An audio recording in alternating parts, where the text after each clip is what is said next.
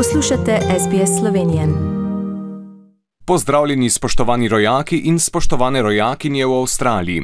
Kaotične razmere v Afganistanu so ta teden zaposlovale tudi naše pristojne ministre in slovensko javnost. V spredju so bila vprašanja evakuacij slovenskih državljanov in afganistanskih sodelavcev naše vojske. Z napovedjo interpelacij se napoveduje negotova politična jesen v Sloveniji, šolniki pa čakajo na jasna navodila za začetek izvajanja šolskega leta v pogojih raztočega števila okužb.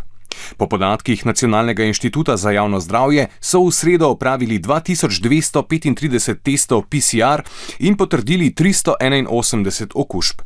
Po oceni NJZ-ja je v državi trenutno dobrih 2800 aktivnih okužb.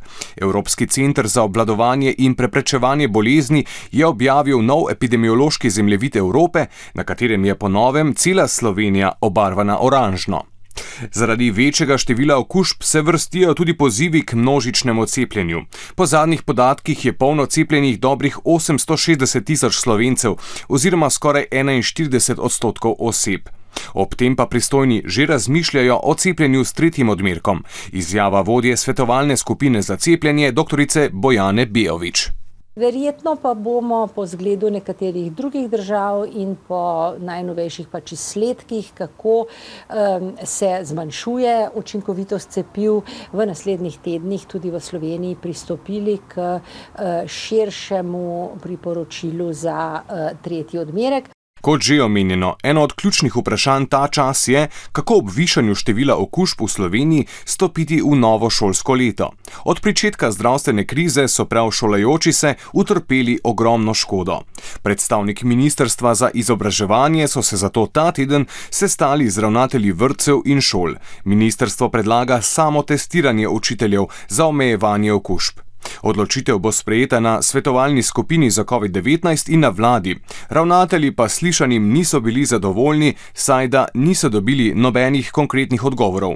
Poslušajmo njihove izjave. Po eni strani recimo niti pri pouku športa ne smemo mešati učencev iz različnih uh, oddelkov, po drugi strani ne bi pa izvajali izbirne predmete, kjer se združujejo uh, najmanj iz večjih oddelkov, marsikaj ali pa večinoma pa celo iz večjih razredov.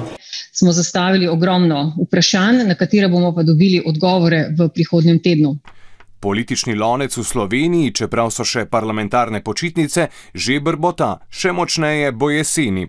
Kar tri interpelacije zoper ministre Janševe vlade napovedujejo opozicijske stranke.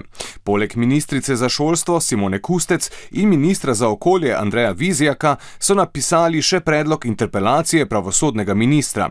Zagovor pa naj bi čakal tudi ministra za zdravje. Poslušajmo izjavo prvakinje opozicijskih socialnih demokratov Tanje Fajon. Zdaj v interpelacijah se bomo pogovarjali prihodnji torek tudi v naši poslanski skupini socialnih demokratov. Takrat se bomo tudi odločili, videli, um, kako bodo te interpelacije sledili. Zaenkrat smo se v opoziciji načelno strinjali le vložitvi interpelacije z opr ministrico Kustečevo, vsem ostalem se moramo dogovoriti v torek.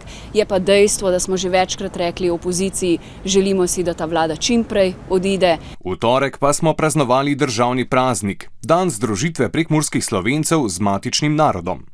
Slovesnost je bila na predvečer praznika v Beltincih. Osrednji govornik, predsednik države Borut Pahor, je izpostavil povezovalno naravo praznika.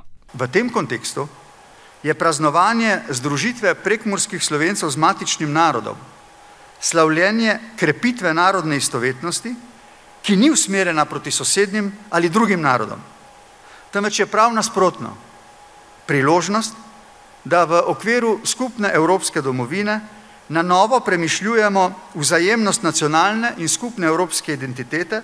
To je bil tedenski pregled pomembnejših novic iz Slovenije. Z vami sem bil po krajšem dopustniškem premoru ponovno Žan Dolajš. Lepo se imejte do prihodnič, ko se ponovno slišimo. Želite slišati sorodne zgodbe? Prisluhnite jim preko Apple ali Google podcasta, preko aplikacije Spotify ali kjerkoli drugje.